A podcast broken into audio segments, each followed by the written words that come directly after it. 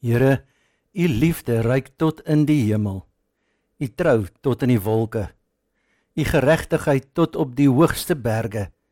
Die reg wat u spreek tot in die diepstes van die see. U sorg vir mense en diere, o Here. Hoe kosbaar is u trou, o God. U beskerm die mense wat by u skuil. In u huis geniet hulle oorvloed. U laat hulle drink uit die strome van die goedheid. U is die bron van die lewe. Deur u lig lewe ons. Laat u liefde bly by die wat u erken en u trou by die wat opreg is. Amen. Ek groet julle in die naam van die Vader en die Seun en die Heilige Gees. Kom ons bid saam. O Here, dankie vir nog 'n voorreg om in u naam bymekaar te mag wees, om u woord te mag hoor om u woord te mag oopmaak, daaruit te lees en daardeur te groei. En daarom bid ons Here dat die Heilige Gees u woord sal oopmaak en dat dit in ons harte sal spreek. Maar dit nie net iets sal wees wat ons sal hoor nie, maar dit sal iets wees wat ons lewens beheer. Ons sal verander en ons meer en meer sal word soos u ons beplan het om te wees. Spreek Here, u dienaars luister. Amen. Gedurende die laaste dae van die Tweede Wêreldoorlog het 'n lid van die Italiaanse weerstandsbeweging alleen in 'n donker sel gesit. Hy was moeg, honger en al gemartel tot by die punt waar hy oortuig was dat hy dit nie gaan maak nie. Na weke se marteling en lyding was hy oortuig dat daar geen hoop meer oor was nie en dat niemand van hom geweet het nie of omgegee het nie. In die middel van die nag is die deur van die sel oopgemaak en een van die wagte het 'n hele brood na hom gegooi. Die gevangene wat teen die tyd al doodhonger was, het die brood oopgeskeur. Binne in die brood was daar 'n stukkie papier met een woord opgeskryf: Coraggio, hou moed. Met die enkele woord het hy geweet, moenie opgee nie, moenie ingee nie. Ons probeer jou help. Hou moed. En dis presies wat ons teks vanoggend wil doen. Hoor die pragtige moed hou woorde Jesaja 62 van vers 1 af. Terwille van Sion sal ek nie swyg nie. Terwille van Jerusalem sal ek nie stil bly nie totdat daar vir hom redding deurgebreek het soos 'n nuwe dag, soos die lig van 'n brandende fakkel. Die nasie sal sien dat jy gered is Jerusalem, al die konings sal sien dat jy mag het. Jy sal 'n nuwe naam kry, 'n naam wat die Here self vir jou gekies het. Die Here sal jou soos 'n suurlike kroon in sy hand hou. Jou God sal jou soos 'n koninklike tulband vashou. Jy sal nie meer die verstote vrou genoem word nie en jou land nie meer die een wat verlate lê nie. Jy sal genoem word die een vir wie die Here liefhet en jou land die een wat aan die Here behoort. Die Here het jou lief en jou land behoort aan hom. Soos 'n jong man met 'n meisie trou, so sal jou volk jou syne maak en vir jou sorg. Soos 'n bruidegom bly is oor sy bruid, so sal jou God oor jou bly wees. Tot sover. In Jesaja 62 maak God deur sy profeet Jesaja 'n nuwe beloofde toekoms vir sy volk bekend. God is op koers met sy volk. Hulle identiteit, hulle roeping en hulle omstandighede moenie net vanuit die verlede of hede verstaan word nie, maar eintlik veral vanuit die toekoms. Gedink van die verlede is daar min lig vir Israel. Hulle is immers in ballingskap vanweer hulle eie hardnekkige sonde en ongehoorsaamheid aan God. Hulle tempel, hulle stad en hulle land is verwoes, families is uitmekaar geskeur.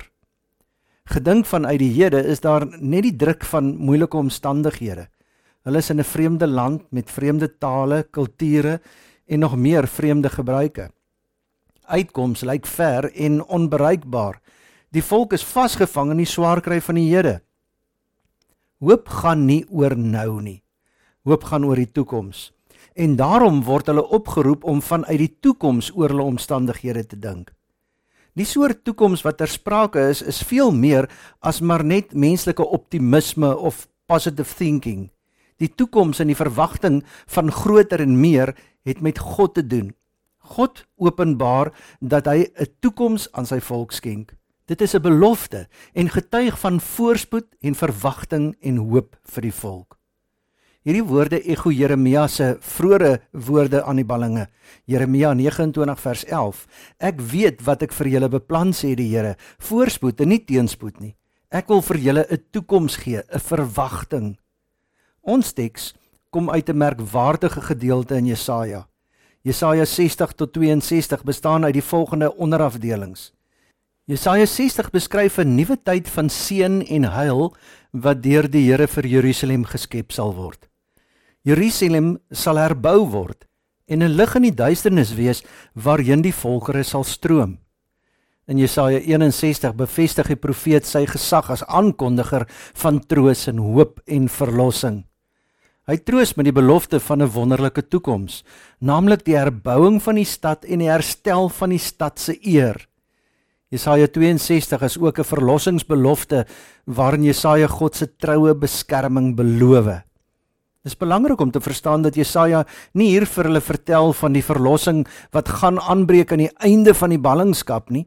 Hy is besig om met hulle te praat oor die implikasies van die vrede van God.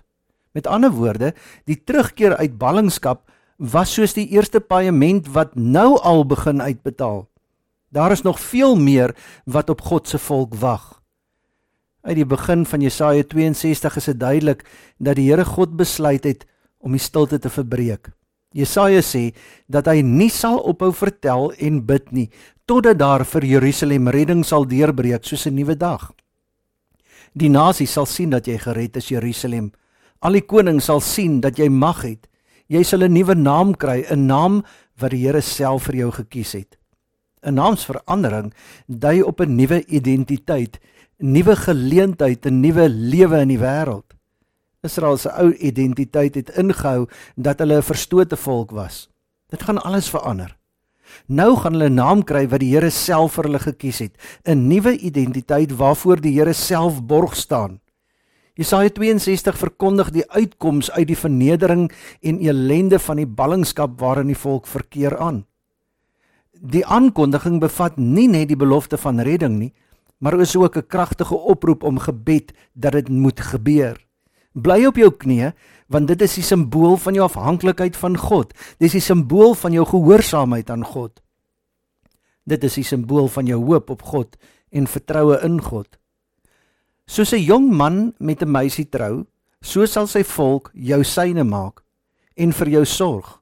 Soos 'n bruidegom bly is oor sy bruid, so sal jou God oor jou bly wees. Jesaja sê aan die volk dat hulle nou soos 'n vrou is wat deur haar man weggegooi is, maar dat alles nou gaan verander.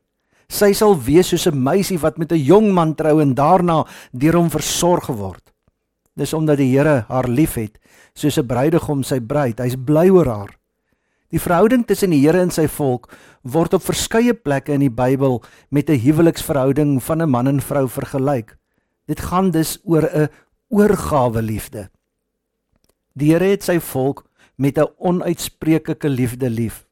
Jesaja 62 verkondig verder aan: "Julle moet 'n beroep doen op die Here se beloftes van stoffelike en geestelike seën en voorspoed vir sy volk." Jesaja 62 sê dat Israel hulle self moet voorberei, hulle self gereed moet maak. Eintlik, pak julle tasse want die Here bring sy volk terug na Jerusalem toe. God trou weer met hulle. Hy verbind homself aan hulle. Hulle sal blywend God se volk wees wat aan die Here gewy is. Jesaja vertel dat Jerusalem nie die werklike eindbestemming is nie. Die Here is steeds met sy mense op pad. Hulle gaan met hom 'n nuwe toekoms tegemoet. Hulle eindbestemming is die nuwe Jerusalem, die nuwe hemel en die nuwe aarde.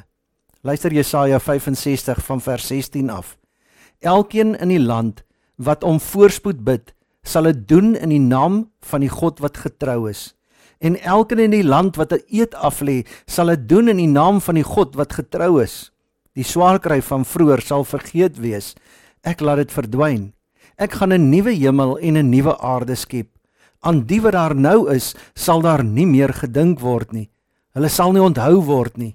Wees bly en jubel sonder ophou oor wat ek gaan skep. Ek gaan 'n Jerusalem skep wat vol blydskap is. Sy inwoners sal vreugde hê. Vergeet die verlede. Moenie teruggaan of terugverlang na vroeë dinge nie. Dit gaan nooit weer wees nie. En buitendien was alles nie so wonderlik nie. Moenie vaskyk in die nou nie. Nou se vreugde is hartseer en krisisse is net duidelik. Jou nou is nie God se laaste woord oor jou nie. Ek beplan vir jou 'n nuwe toekoms, 'n toekoms in God se hand. Jesaja jubel oor die redding van Jerusalem en maak dit aan almal bekend. As jy dink en praat oor die toekoms, moet dit wees in terme van God se beloftes. Wees bly en jubel sonder ophou oor wat ek gaan skep. Ons hoop word dus gebou op God se beloftes. God se liefde vir sy mense is die rede vir sy redding. Hy maak alles nuut, sy verhouding met hulle inkluis. En weer eens is die boodskap ook vir die nasies bedoel.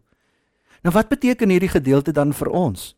Dit help ons om ons vertroue in God te plaas, maar dit leer ons ook om op ons knieë daaroor te bly. Breek met jou hooploosheid, breek met jou negatiewe gedagtes, breek met jou ongehoorsaamheid. Wat is die gevolg van ons dade? Wat gaan gebeur as ons volhou soos ons tans doen? Bou ons op hoop of is ons besig om in ongehoorsaamheid ons eie rigting in te slaan? Een van die wonderlikste eienskappe van God is dat hy iets so nuut kan maak dat dit is asof daar nooit iets verkeerd was in die eerste plek nie. En die rede daarvoor lê opgesluit in sy liefde vir mense. Dit geld steeds vandag. Wat ook al gebeur, God se liefde, sy trou en beloftes oortref elke situasie van doodsheid, verlies, straf, vasgelooptheid in ons lewens. Geen situasie kan ooit so dood wees dat God nie vernuwing kan bring nie. Selfs meer as vernuwing, ook lewe uit die dood. Israel het beleef dat hulle onbesonde optrede, ongehoorsaamheid en dwaasheid hulle in 'n doodloopstraat laat beland. Verkeerde keuses het hulle in ballingskap laat beland. God se liefde en trou beteken egter nie dat ons die gevolge van ons eie dwaasheid gespaar word nie. God se verbond sluit ook ons verantwoordelikheid in. En daarom moet ek elke dag nuut kies om God te volg. Tog is selfs ons dwaasheid, ons sonde, ons opstand en ons ongehoorsaamheid nie die laaste woord oor ons lewens nie. God se troue liefde spreek die laaste woord. Daarom het ons die belofte van meer. Ons kan meer genade, seën, liefde en trou beleef en ons sal. God se liefde waarborg dit. Die wyse ding is daarom om altyd te kies vir die veilige ruimte van God se liefde, deur trou en gehoorsaam voor God se aangesig te lewe. Natuurlik sluit dit nie Job ervarings moedelose tye uit nie. Die pad wat ons deur die lewe loop, maak vreemde draaie. Ons ken ten dele en weet nie waarom baie dinge oor ons pad kom nie. Ons ervaar verliese en beleef teensla. Die terugkerende ballinge is goeie voorbeelde van hierdie ervaring.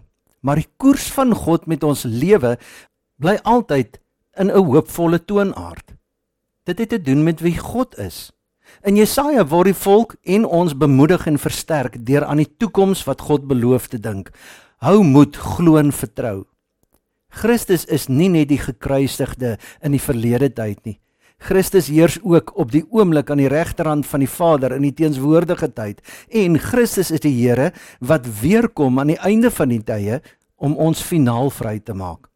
Christus wie weer kom is die een wat die beloftes van onder andere Jesaja 62 waar maak. Ons moet onsself meer en meer oefen om toekomsgerig te dink, te glo en te verwag. En hierdie toekomsgerigte geloof help ons om reg te kies en reg voor die liefdevolle God se aangesig in die hede te lewe. Wat ook al gebeur het, wat ook al gaan gebeur, God se liefde, trou en beloftes is sterker as enige situasie van doodsheid, verlies, straf en vasgelooptheid in ons lewens. Geen situasie kan ooit so dood wees dat God nie vernuwing kan bring nie selfs meer as vernuwing, ook lewe uit die dood. En daarom sê Filippense 3 van vers 13 af: Ek maak my los van wat agter is en strek my uit na wat voor is. Ek span my in om by die wenstreep te kom, sodat ek die hemelse prys kan behaal waartoe God my geroep het in Christus Jesus ons Here. God wil vir jou nuwe hoop gee. God beplan vir jou net die beste. Die Here het jou lief. Jy's God se vreugde. Amen. O Here, dankie dat ons lewe in U hande is. Ons verlede is deur U betaal. Ons hede is in U hand en ons toekoms is alreeds verseker. Dankie dat ons daaruit kan leef in U verlossing en deur U verlossing. Amen. Die Here sal julle seën en julle beskerm. Die Here sal tot julle redding verskyn en julle genadig wees. Die Here sal julle gebede verhoor en aan julle vrede gee.